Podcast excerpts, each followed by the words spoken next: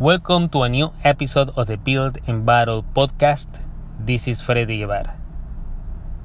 Today is the turn of business tips. And I'm going to talk about what are the three variables you have to look at to identify in which stage your business is in the business life cycle. First of all, let's remember what the stages of the business life cycle are. And they are introduction, growth, maturity, and decline. Why I emphasize the importance of knowing business life cycle because it will help you to identify what strategies, what tactics, what management and leadership requirements your business needs based on the stage of the business life cycle. For example, you're not going to use the same strategy in an introduction stage like you were in the growth stage or in the maturity stage. Those are different stages that require different strategy, different perspective, different management and leadership skills. They won't be the same. It's easy because it will help you, it will guide you to choose the right strategy, the right options that you have and will help you to develop the management and leadership skills you require for your business. That's why it's important to know if you are in an introduction, in a growth, in a maturity, or a decline stage. Decisions will be different, executions will be different. Now, to the point, what are the three variables you have to look at?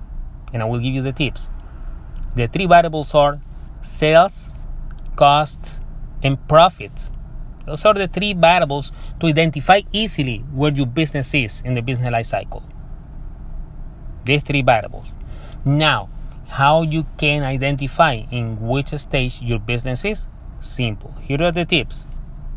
If you have low sales, high cost, and no profits, you are in the introduction stage.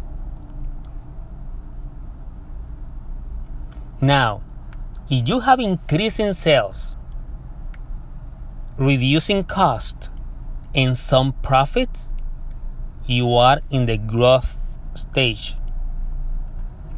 But if you have constant sales, reducing cost, and increasing profits, you are in a maturity stage. And if you have reducing sales, constant cost and reducing profits, you are in a decline stage. Simple. That's how, in a simple way, you identify in which stage your business in the business life cycle is. Looking at those three variables sales, cost, and profits. So I hope this can help you. Let's summarize again. The stages of the business life cycle are introduction, growth, maturity, and decline. And the three variables you have to look at to identify in which stage your business is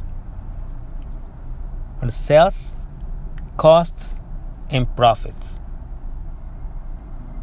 I hope this information, these tips can help you to identify in which stage of the business life cycle your business is and you can design the right strategy and the right tactics for the stage you are in. And also, it will help you to identify what management skills and what leadership skills you need in the different stages of the business life cycle. You're going to need different management and leadership skills through the whole business life cycle. So I hope these tips help you how to manage your business, how to lead your business, and put them into practice. If you have any questions, you have any comments, let me know. I hope these tips can help you in your business and help you become a better manager and leader. In the meantime, I wish you the success you deserve. Build in battle. Until the next time.